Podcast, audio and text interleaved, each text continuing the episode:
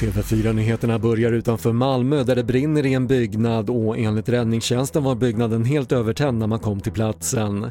Den kommer att få brinna ner då man jobbade vid tretiden med att hindra branden från att sprida sig. En lastbilschaufför som hade kört genom Sverige från Helsingborg till Luleå hade över 3 promille när han stoppades av polisen.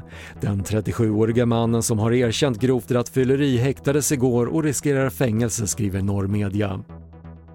Så till USA där över 10 000 nya fall av coronaviruset har konstaterats i Kalifornien senaste dygnet. Det är rekordmånga under ett och samma dygn i delstaten som är en av flera delstater som under de senaste veckorna märkt av ett ökande antal nya virusfall.